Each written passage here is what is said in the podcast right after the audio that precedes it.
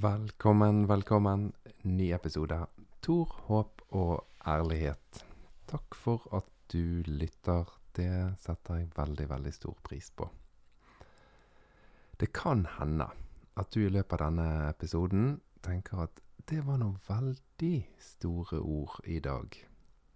Ja, noen dager så er det behov for litt store ord. Og om det ikke er behov for store ord, så blir det nå bare sånn. Noen dager passer store ord godt inn, syns nå jeg. Og det er jo engang sånn at uh, denne podkasten, den uh, handler om hvordan kristen tro, kristendommen, hvordan den kan se ut i vår tid og i årene som kommer.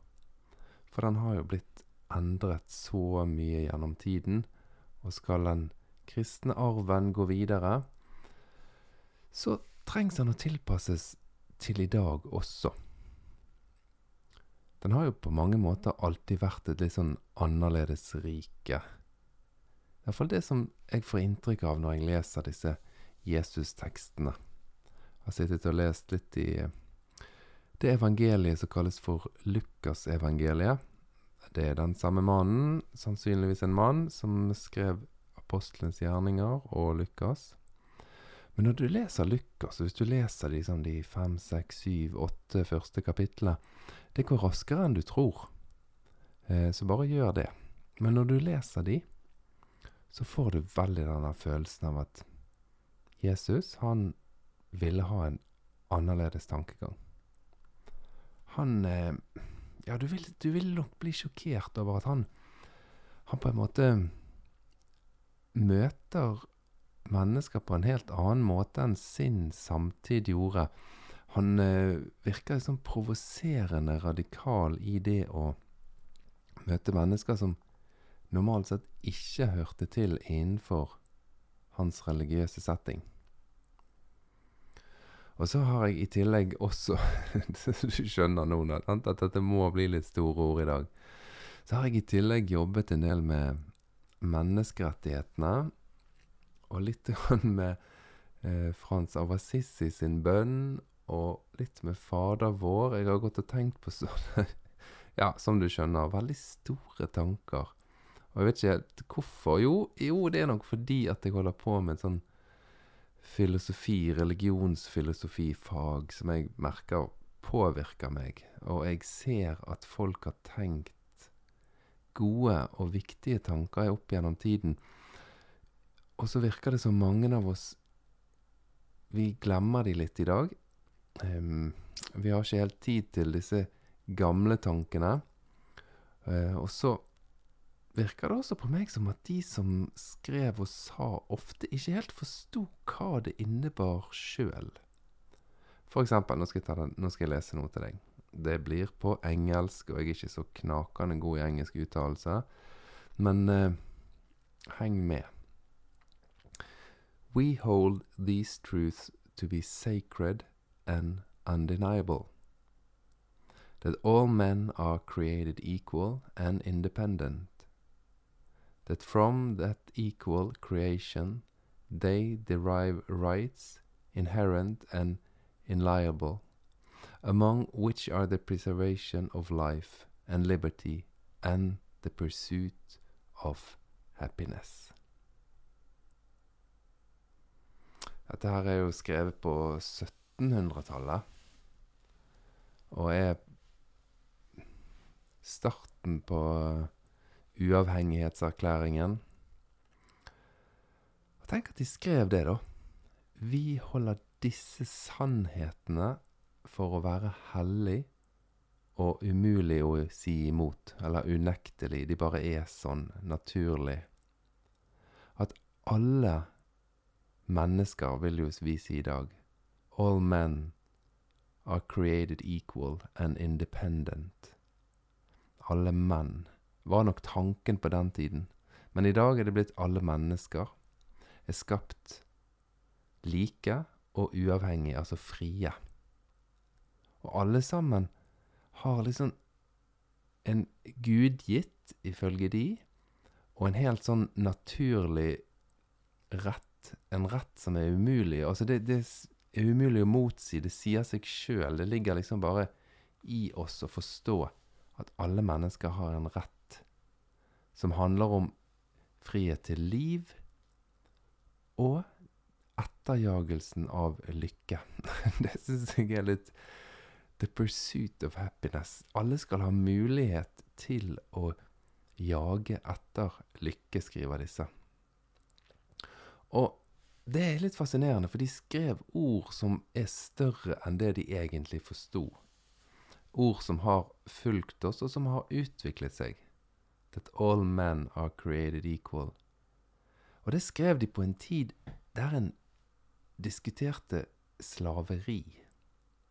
Det var jo ikke sånn at alle mennesker var like og hadde like rettigheter. Ikke i nærheten engang. For disse menneskene som skrev dette, var det en selvfølge at en stor del av samfunnet ikke hadde friheten. Det, det, var bare sånn det var. Det var bare innarbeidet og innebygget i de. Og en klarte ikke å se utenfor sine begrensede rammer. Allikevel så skrev de dette, og det har Det syns jeg er litt fascinerende, at det har utviklet seg. Sånn at nå er det mer selvfølgelig i vårt samfunn at det gjelder også kvinner. Det er ikke bare menn som er skapt like og med retten til å forfølge lykke. Det er også kvinner på likestilling som menn. Det begynner å være ganske selvfølgelig for oss.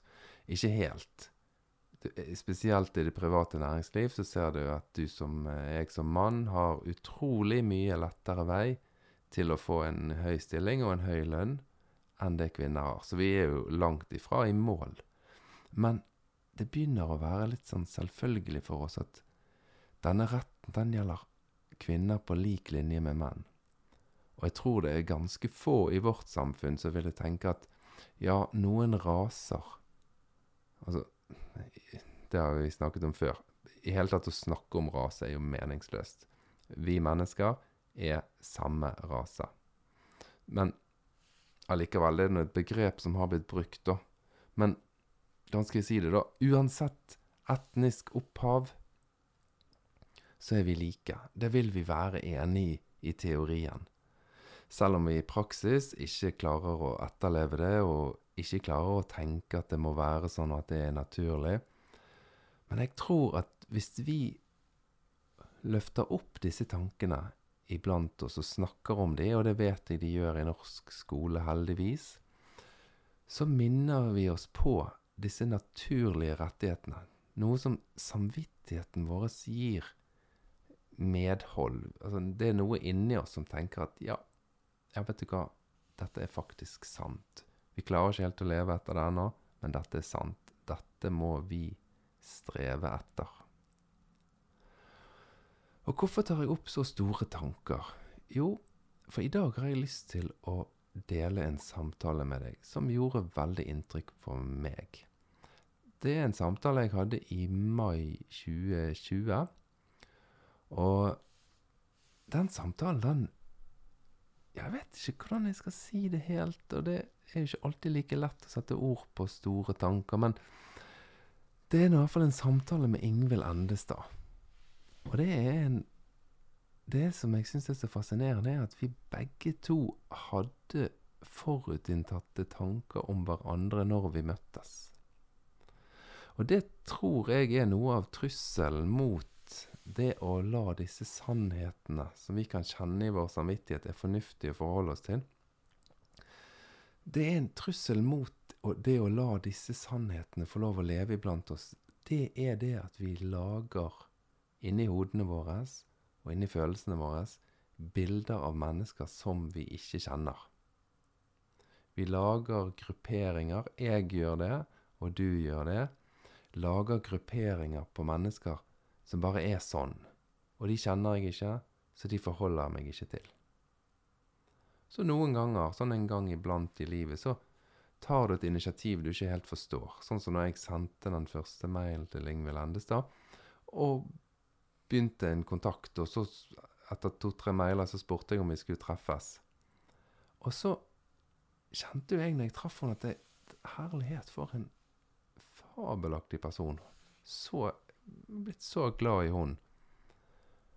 Og så ja, så Jeg har bare lyst til å dele denne samtalen med deg. Og så har jeg lyst til at du skal høre den. Og så håper jeg at du sammen med meg kan tenke Ja, hva mennesker er det jeg har laget noen sånne gruppebilder av? Noen som jeg bare har en sånn stereotyp holdning overfor. Så kan du kanskje tenke på Fins det noen muligheter for at jeg kan bli kjent med noen som er i denne gruppen? Noen som er i denne gruppen som jeg egentlig ikke liker, eller som jeg er litt nervøs for, eller litt redd for, eller som jeg tenker kanskje er liksom misliker meg, sant. Og derfor holder jeg meg unna de. Kanskje du i løpet av denne samtalen som du nå skal få høre, kan bli litt inspirert til å kontakte noen som du egentlig ikke hadde tenkt å kontakte. Og det trenger ikke være de store skrittene. Det kan jo bare være noen som er litt perifer på arbeidsplassen din, eller en eller annen eh, mor på idrettslaget der som eh, datteren din går, som du syns virker veldig fjern, uaktuelt for deg å snakke med, fordi at hun er sånn og sånn, eller hun prioriterer sånn og sånn. Ja, kanskje det er hun du kan hilse på neste gang. For det er sånn at vi lever i en tid der våre meninger våre holdninger og våre stereotype bilder av andre mennesker blir forsterket hele tiden. Dette har du helt sikkert lest om. Men i din Facebook-feed, der forsterkes de tankene du allerede har.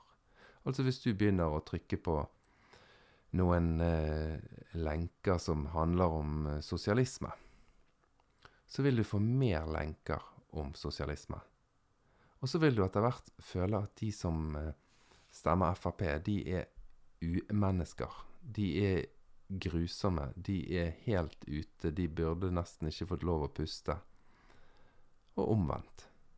Hvis du trykker på lenker som handler om politikk som ligger mer til høyre, så blir den tanken bare forsterket og forsterket og forsterket. For dette er det du får opp du får ikke opp noen tanker som sier at ja, de der bør jeg kanskje bli litt kjent med. Hør hva de tenker. Kanskje de har noen ting som de kan lære meg, da. Og meg og Ingvild Endestad, vi tilhører nok i utgangspunktet litt ulike grupperinger. Og hvis vi bare lar de grupperingene forsterkes, bare lar disse tankene vi har om hverandre, forsterkes uten at vi snakker sammen,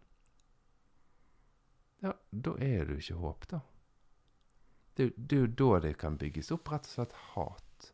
Det er da det kan bygges opp sånn ekte ønske om at det skal gå galt med andre mennesker. Og siden dette da er en podkast som er, har som sånn eh, kjernepunkt etterfølgelse av Jesus, hvordan ser det ut i vår tid?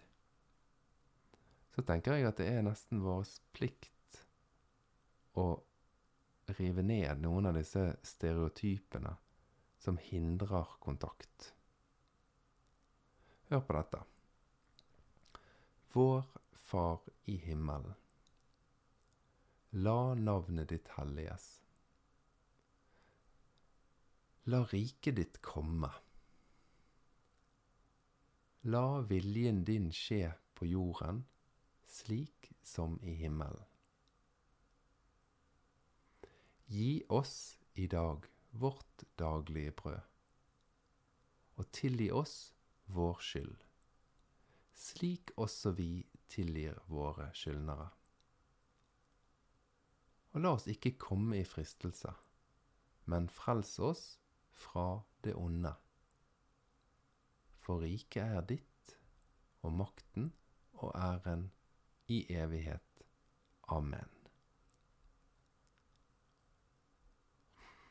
Hvis du leser innledningen til eh, uavhengighetserklæringen sånn som jeg leste i sted, og så tenker du litt på den, og så leser du Fader vår bønnen Det er ikke mye rom for stereotyper og grupper som du skal mislike og ønske ondt for.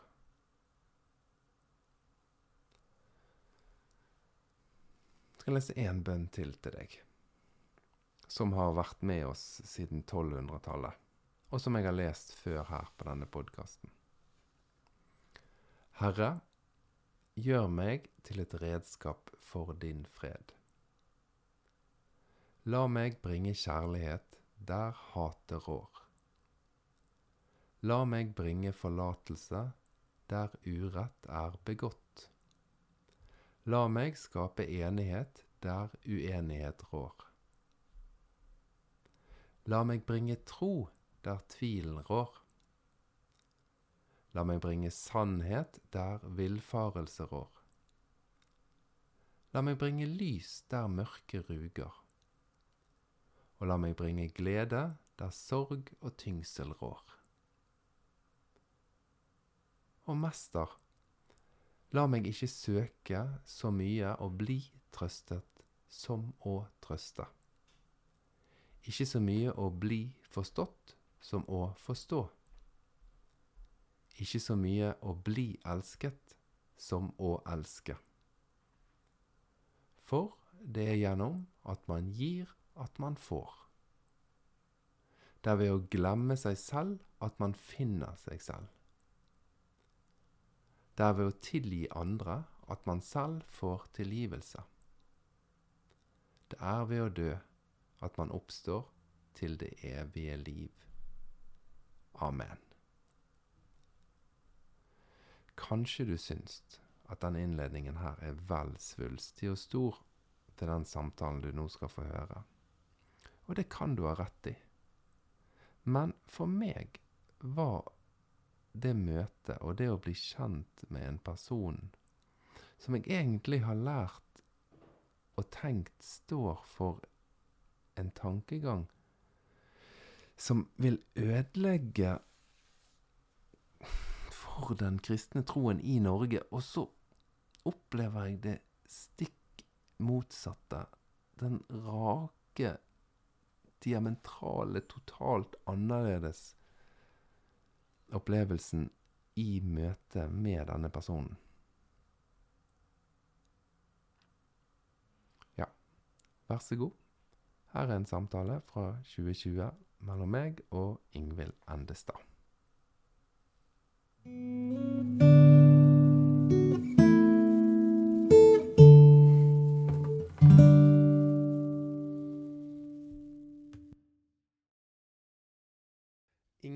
Endestad i Bergen. Ja. Fantastisk. Du har nå vært her en del ganger. i byen. Har vært der en del ganger. Ja. Men nå føltes det ut som jeg kom med hele Bergen. Nå kom du med alle sammen. Tre leirskoler, veldig mye koronasmitte. Det var en eh, fin, men litt anspent tur. Var du stresset? Nei, men det satt veldig forkjølte folk rundt meg som hosta veldig mye uten, uten å på en måte Fordi det jeg er vant til nå i disse dagene, er at folk signaliserer på et eller annet vis at det ikke er korona. Ja. Du, De snakker f.eks. veldig høyt om at de har vanlig forkjølelse eller noe sånt. jeg har ikke vært i Italia Ja. på skitur. Men det var ingen som sa noe om det, så det var ganske anstrengt. Ja, Nei, men nå er det derfor kommet til Bergen. Det, er en smittefri by. Ja. Det er en veldig trygg by, dette her. Ja, det føles godt. Og vi, eh, vi, vi eh, si, Skeivt kristent nettverk, som jeg representerer nå, da. Vi tenkte når Ingvild først er i Bergen, da er vi nødt til å ha en prat. Vi, du har jo merket det, vi setter veldig pris på deg. Ja, det er jeg veldig glad for. Jeg setter veldig pris på dere Da. du har skjønt det, sant? Ja. Det kommer kom ikke som noen overraskelse. Nei, jeg syns det det er veldig fint. Jeg er glad for at jeg kunne komme hit. Ja. Selv om dere har lagt samlinga til 8. mars. Det, det var en tabbe. sånn blir det ikke neste år. Nei, det var jo kjempe liksom, Vi er jo litt uh, nye og litt ferske i Ja. alt vi gjør. så føler jeg det føler, jeg- Vi får jo av og til litt sånn spørsmål ja, Hvem er dere? Hva vil dere? Hva skal dere? Og så tenker jeg nei, det, vi, vi vet ikke helt. Men vi er i gang, og vi har begynt å samles. Og så blir det litt sånn.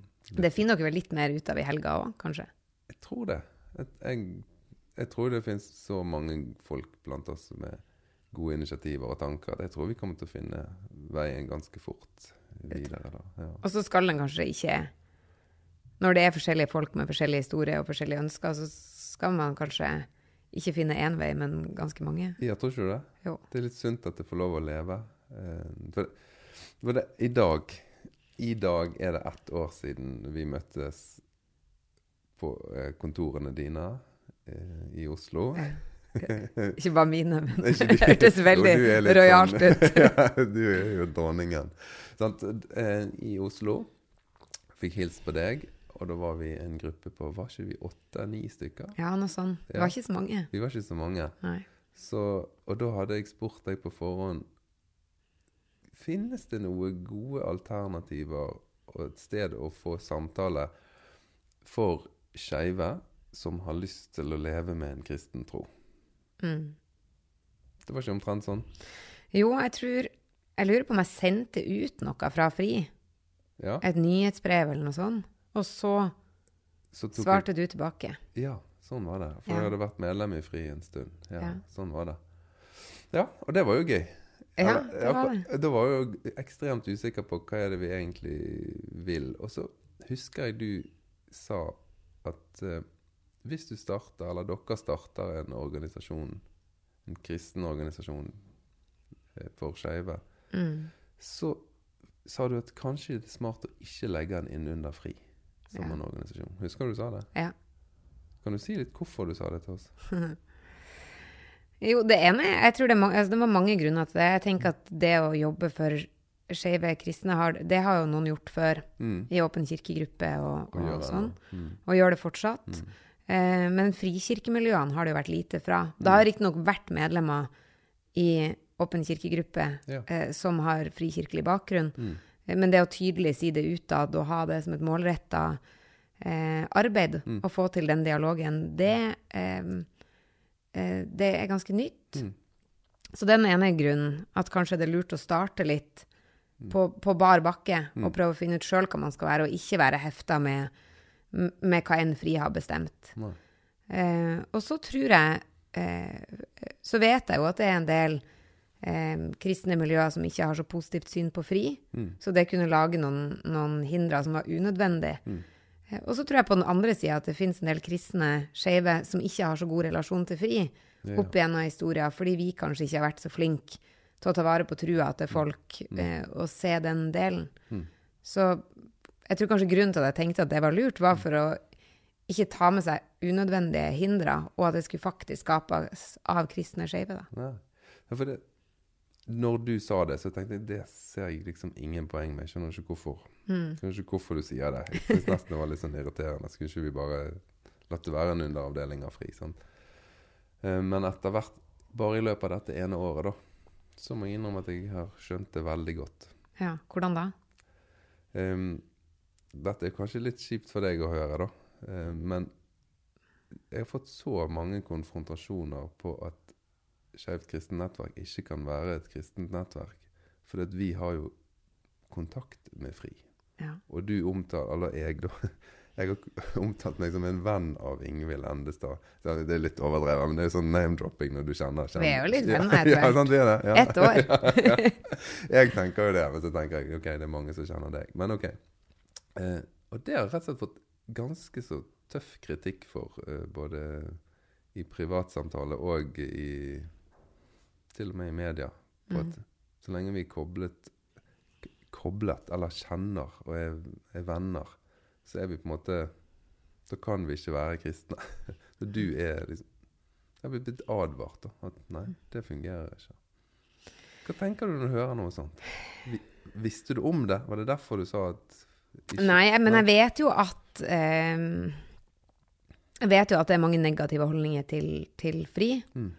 Eh, og noe av det handler om, om enkelte synspunkter vi har. Mm. Eh, altså politikk, Ja. som enkelte aktører er uenig i, og det tenker jeg jo er helt fair. Mm. Men det jeg ikke forstår, er eh, for det første hvis en tro Eller det som jeg blir overraska over å lese, da. Mm. Eh, fordi nå er jo Skeivt kristent nettverk har jo blitt diskutert en del. Ja. Jeg tenker jo det er tegn på at dere er synlige og gjør mye. Mm. Eh, men når det blir beskrevet, for jeg så det var en leder i Dagen, Mm. tror jeg det var, ja, hvor, hvor det ble beskrevet at eh, Skeivt kristent nettverk var eh, imot kristendommen og, Mm. og, og gikk imot Gud fordi man ikke tok avstand til fri, ja. så tenker jeg jo at eh, det er vel ikke det som definerer troen, for eller mot fri. Eller det tenker jeg er et veldig eh, tynt trosgrunnlag. Ja, Som strengt tatt Ja, det var vel ikke sånn at kristen tro oppsto for 50, eller for 70 år siden når fri oppsto. Det har vel eksistert før det? nei, jeg forstår jo ikke helt problemstillingen, eh, men, jeg, men jeg ser at den er veldig reell. Mm. Eh, og jeg skal faktisk si òg at eh, folk som har blitt medlemmer og begynte å følge Skeivt kristent nettverk, som har fortalt at for de var det en ekstra runde å gå med seg sjøl før de våget å ringe oss eller sende oss en melding. Nettopp fordi vi var knyttet til FRI. Mm. Sier de noe om hva det handler om? Nei, de sier jo som regel ikke det, men jeg har spurt flere nå, da. Liksom, hva er disse problemstillingene? Hva er det, hva er det du tenker? Altså, det, FRI er jo en organisasjon som har gjort uendelig mye viktig arbeid for skeive. Um, og at vi da har et godt samarbeid med den organisasjonen, er vel naturlig. Og da kommer det nesten alltid opp i den samtalen Ja, men jeg kan ikke stå inne for alt som skjer i pride. Ja. Og så Ja, du kan få lov å kommentere det hvis du vil det. Eller kan jeg Nei, for jeg vil gjerne um, Jeg syns jo både mm, pride og fri og, og kristendom Alt er liksom store ord som trenger trenger litt definering Ja. På hva er det man mener når man sier at, at man ikke kan stå inne for alt som er i pride. Mm. For pride er jo heller ikke eh, én ting. Det er jo forskjellige pride-markeringer, det er forskjellige deler av det. Mm. Um, men hvilke, er det noen spesielle ting de sier at de ikke kan stå Nei, inne for? nei, da er det jo mer den der at eh, Nei, vi opplever at uh, fri og pride det skal uh, fremme en sånn grenseløshet. Det, det, det er typisk, en typisk utsagn, da. Eh, at liksom, det skal ikke være noen rammer, det skal ikke være noe som heter moral lenger. Og det må du på en måte være enig i. Skal du gå i, gå i det toget, skal du være med i den markeringen osv. Mm. Nå bare sier jeg dette er vanlig sånne innvending. Ja. Ja. Eh, jeg, jeg føler at det blir et litt sånn smalt spor å gå sjøl, da. Men jeg skjønner at jeg kan ikke bare svare folk og så si det. Nei, men du, hallo. Det er jo, men det, det er jo tusenvis av mennesker som går i de, i de togene med så mange ulike meninger og tanker. Det tenker jo jeg. Men det hjelper ikke bare å avfeie disse følelsene når folk sier det. Nei, og det tenker jeg ikke at man skal. Jeg tenker at, det, at eh, alle følelser skal tas på alvor, og alle bekymringer skal tas på alvor. Og pride er jo i seg sjøl et synlighetsprosjekt. Eh, Det er jo hele kjernen til pride. Og derfor har det også ofte blitt diskutert i den skeive bevegelsen, ikke bare med utgangspunkt i tro, men med utgangspunkt i, i mange forskjellige eh, retninger, fordi veldig mange eh, som en minoritet, og en usynlig minoritet, eh, nettopp må gå og være ukom, altså, Det kan være ukomfortabelt å være så synlig, eller at noen er så synlig på vegne av deg. Eh, og det mange forteller, er jo at eh, de er redd for at hver gang de ser en, en homofil på TV, eller sånn, så skal de rundt tenker at eh, ja, OK, det er sånn en homofil ser ut. Og dermed har du også skjønt hvem, hvem den som sitter ved siden av deg, er. Ja. Eh, men det tenker jeg jo Og jeg kan skjønne at de følelsene er vanskelige, fordi vi lever i en verden som, som har et snevert syn på mange minoriteter, og hvor, hvor det kan være det husker, det, De følelsene har jeg jo hatt sjøl òg. og kan av og til ha. Noen ganger så kan jeg bli flau. Eller eh, Fordi at du føler at stereotypene blir trykt på deg? ja, Ja. eller jeg kan tenke at OK, men er det eh, Nå tenker de kanskje at jeg er sånn, eller Ja. Så jeg kan jo forstå den følelsen. Men så tenker jeg hver gang at, at vi hver må ha ansvar for å representere oss sjøl. Sånn at hvis jeg vil bli representert, så, så må jeg nesten gjøre det. Og hver enkelt menneske som går i den paraden, er unike mennesker. Eh, så man kan ikke være representanter for noen andre enn seg sjøl. Og så tenker jeg også at selv om ikke jeg skjønner alle andre sin kamp, det gjør jeg jo ikke. Eksempel eh, kampen for å, å få lov til å, å ha en religion, eller tro på den måten man vil. Eh, for meg som ikke har en, en tro, så skjønner jeg jo ikke helt hva det handler om, men det betyr jo ikke at jeg ikke ønsker å kjempe den kampen når jeg ser at den er viktig for andre. Riktig. Så jeg tenker at ja, de ja. For meg har jo dette vært litt sånn rart å oppleve. For jeg òg var litt sånn her Første gang jeg sendte en mail til deg, så tenkte jeg hvem er det nå jeg sender mail til? Hvem Ja. er det jeg begynner å bli kjent med? Og så møtte jeg deg, og så opplevde jeg liksom en helt en, Jeg må si det. En, en annerledes person enn jeg trodde. Ja, hvordan Ja. da? Nei, for du var, jeg opplevde deg veldig raus og imøtekommende. Ja. Sånn, sånn Det er jo det er kjekt å kunne si på ettårsjubileet vårt, men jeg gjorde det. Altså sånn Herlighet. Jeg opplevde at du var genuint interessert i at jeg og de som jeg var med og var blitt venner med der, måtte få lov å leve med vår tro. Ja. Og det synes jeg, jeg, jeg, ble, det, det, det jeg ble jo veldig rørt. Jeg syns det var veldig fint. Da. Og du, du oppførte deg og snakket med oss så annerledes enn jeg hadde forventet. Sånn. Men hva var det du hadde forventa? Jeg hadde forventet at du hadde litt mer sånn holdningen om at Ja, men hvis ikke du får innpass i denne menigheten din, og de ikke vil akseptere deg i den menigheten, kanskje du bare glemmer det? Jeg, sa- Mm. jeg tenkte du var mer der, og tenkte mer at nei, religion og tro, det, det gidder ikke vi forholde oss til. Jeg, jeg tenkte det. Men er det fordi du som kristen har blitt møtt med det? Ja, det, det, jeg, har, jeg har prøvd å tenke på det. Jeg tenker det må være det. At det ligger en sånn undertone tanke om at, om at eh, det er en motstand mellom, mellom fri og det, det som kristne menigheter står for. Det har liksom blitt en, en, en kamp som jeg ikke helt skjønner hvorfor er der alltid, da. Nei. Nei, jeg skjønner jo litt hvorfor den er der. Fordi at, fordi at eh, kirka, f.eks., som institusjon, har jo vært, eh, vært med å undertrykke skeive. Ja. Eh, og for noen så var, så var mm, den kampen for hard å kjempe som man lot være. Eh, og følte at man måtte Eller ikke bare følte, men for mange som måtte ta et valg. Mm. Skal jeg få lov til å, å elske den jeg elsker, eller skal jeg eh, tilhøre denne menigheten? Det betyr jo ikke at alle forlot troen sin, men noen følte seg også tvungen til det. Eh, sånn at historisk sett så har jo eh, enkelte eh, religiøse institusjoner gjort en del overgrep, og gjør det fortsatt. Gjør det fortsatt. Men så tror jeg jo også at at veldig mange skeive troende har blitt møtt med eh, fra, fra menighetene sine eller fra trossamfunnene med at du skal tro på denne måten og du skal være på denne måten. Men så har man blitt møtt med det samme fra, fra skeive miljøer og organisasjoner med at du skal være på denne måten, ellers så hører du ikke til hos oss. Ja. Eller du må ta avstand fra. altså, har blitt litt sånn i skvis, da. Ja, men, men opplever du reaksjoner i din re organisasjon for at du jobber sammen med Skeivt nettverk? Nei, men jeg Ja, ja og nei. Eh, jeg har jo opplevd at en del ikke skjønner hvorfor det skal være så viktig. Eller Ja. hvorfor man orker Hvorfor å ta den kampen. Mm. Fordi fordi det man ser utad Veldig mange har jo vonde opplevelser Mm. og har valgt å forlate eh, sine menigheter fordi, fordi det ble for vanskelig og har mista trua si òg. Fordi ville kanskje nesten føles som et sånn svik at du da jobber med oss igjen, som representerer de miljøene som de opplever at de måtte flytte seg fra for å kunne leve. Ja, jeg har i hvert fall tenkt det, Mm. at det kunne være en fare. Men jeg må jo si at nesten alle jeg møter, har bare vært utrolig glad for at Skeiv kristent nettverk finnes. Å, så kjekt. Og det er jo så mange som Jeg ble jo veldig glad. Fordi når du kontakta meg, Mm. så tenkte jeg oi, det er lenge siden jeg har fått denne forespørselen Eller det har ikke vært så mange forespørsler om Mm. kan jeg hjelpe til med å bidra. De aller fleste som kontakter oss, trenger jo noen å snakke med. Ja. Og jeg har opplevd altfor lite rom. Mm. Um, ja, eller jeg har, ikke, jeg har ikke visst hvor jeg skal henvise folk. Det er ikke til frikirkelige miljøer. Nei.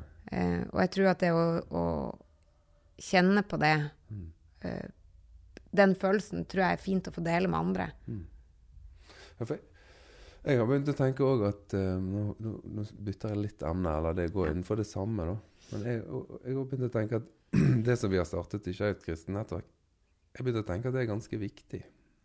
Jeg, Veldig viktig. Ja, jeg skjønte ikke det i starten. Jeg, jeg trodde vi bare var en veldig liten gruppe. Men så har jeg begynt å tenke at dette begynner faktisk å være litt viktig. Og spesielt når jeg ser på nyheter og ser utviklingen som er gjerne i Som jeg nevnte for deg tidligere, sånn den utviklingen som er i Polen. Det skremmer meg veldig å se at den den lille si, gruppetenkningen som vi snak, har snakket om nå, der du har Skeivt kristent nettverk, så, der folk er redd for FRI, og så er det kanskje noen i FRI som har blitt såret av menigheten, sant? så får vi laget to grupper. Og så begynner du nå å se at i noen land så blir den polariseringen så sterk at du faktisk stenger deler av landet sitt Ja. for LHBT.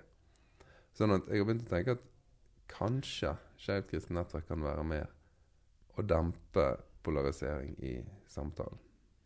Ja, det tror jeg fordi at eksistensen av Skeivt kristent nettverk eh, utfordrer hele ideen om at det er utelukkende størrelser. Mm. At man må være enten-eller, og at det ene truer det andre. Ja. Og det tenker jeg også med Salam, f.eks., ja. Eh, som er en organisasjon for skeive med muslimsk bakgrunn. Mm. Men også Skeiv Verden, som har jobba lenge med som er for skeive med minoritetsbakgrunn. Mange av de troende, og mange med, med religiøs historie. Mm. Som ja, og, og der har det vært mye rasisme involvert, f.eks. At man sier at dersom det kommer folk fra disse og disse landene med den og den religionen, så vil det bli verre for homofile. Man har brukt det som et argument. Mm. Og så har eh, at man blir satt opp som en sånn trussel, eller som en motsatt størrelse. Mm. Og midt oppi det her så lever jo folk eh, med alle de hattene, eller som komplekse mennesker. Eh, og blir brukt som sånne brikker. Mens det at noen er åpne og utfordrer hele ideen om at det er enten-eller, tror jeg er veldig viktig, fordi det gjør de polene litt umulig. Ja, og, og det, er, det, det er det vi må få til. Å bare treffes, snakkes. For det, vi, har, vi har hele tiden denne ønsket om å rydde opp i her. Mm. Sånn at ja, men de er sånn. Sånn som jeg hadde tanker om hvem Ja. du skulle være før, Ja. før jeg hadde møtt deg. Og jeg hadde tanker om hva en, et pride-tog var uten å ha vært i et uten å ha vært i en eneste parade. Ja. Og så kommer jeg i en parade, og så opplever jeg at herlighet, dette er jo bare som et veldig mye kjekkere 17. mai-tog. Altså, Ja, det var- ja, det var faktisk det. Det var rett og slett skikkelig rørende. ja. Liksom helt Nesten, for meg, da, nesten bare helt vanlige folk. Høres litt kjedelig ut, da, men du skjønner hva jeg mener. ja, det er jo tidvis nesten litt kjedelig. Ja, men det var det, Ikke å delta, men å se på. ja, ja, for det, var vi, det er vanlige folk, sant. Ja. Ja. Um, Det ble jeg sjokkert over sjøl, ja. første gang jeg skulle delta i parade. ja. Uh, så jeg liksom leita etter alle de mest outrerte uttrykkene, fordi det var jo kun de jeg hadde sett på TV. Mm. Eh, og som jeg syntes var veldig flott, eh, men det var ikke så veldig mange som ligna på meg. Det var veldig lite dame også som var synlig, og veldig lite nordlending. Ikke sant? Man er jo veldig liten i sin egen verden. Ja. Så det er sånn, hvor er akkurat meg? Jo, nei, Ja. jeg måtte delta for at akkurat jeg skulle være der. Ja. Men den derre uh, kjærlighetsfølelsen som er der. Ja. Og det husker jeg en sa fra den første gang vi møttes i Skeiv kristent nettverk. Mm.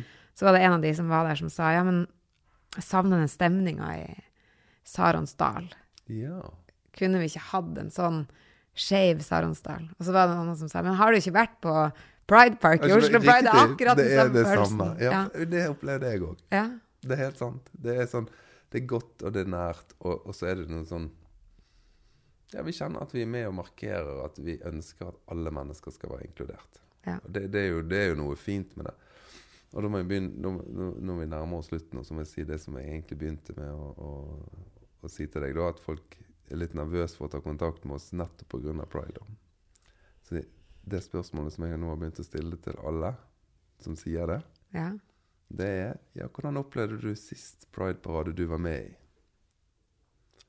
Og da viser det seg at de, de som har disse tankene at vi kan ikke joine fordi at det her er kontakt med FRI, de har ikke gått i Pride. De har ikke vært til stede heller. Så det er jo bare tanker vi har om den andre gruppen som ikke er helt eh, Det stemmer jo ikke.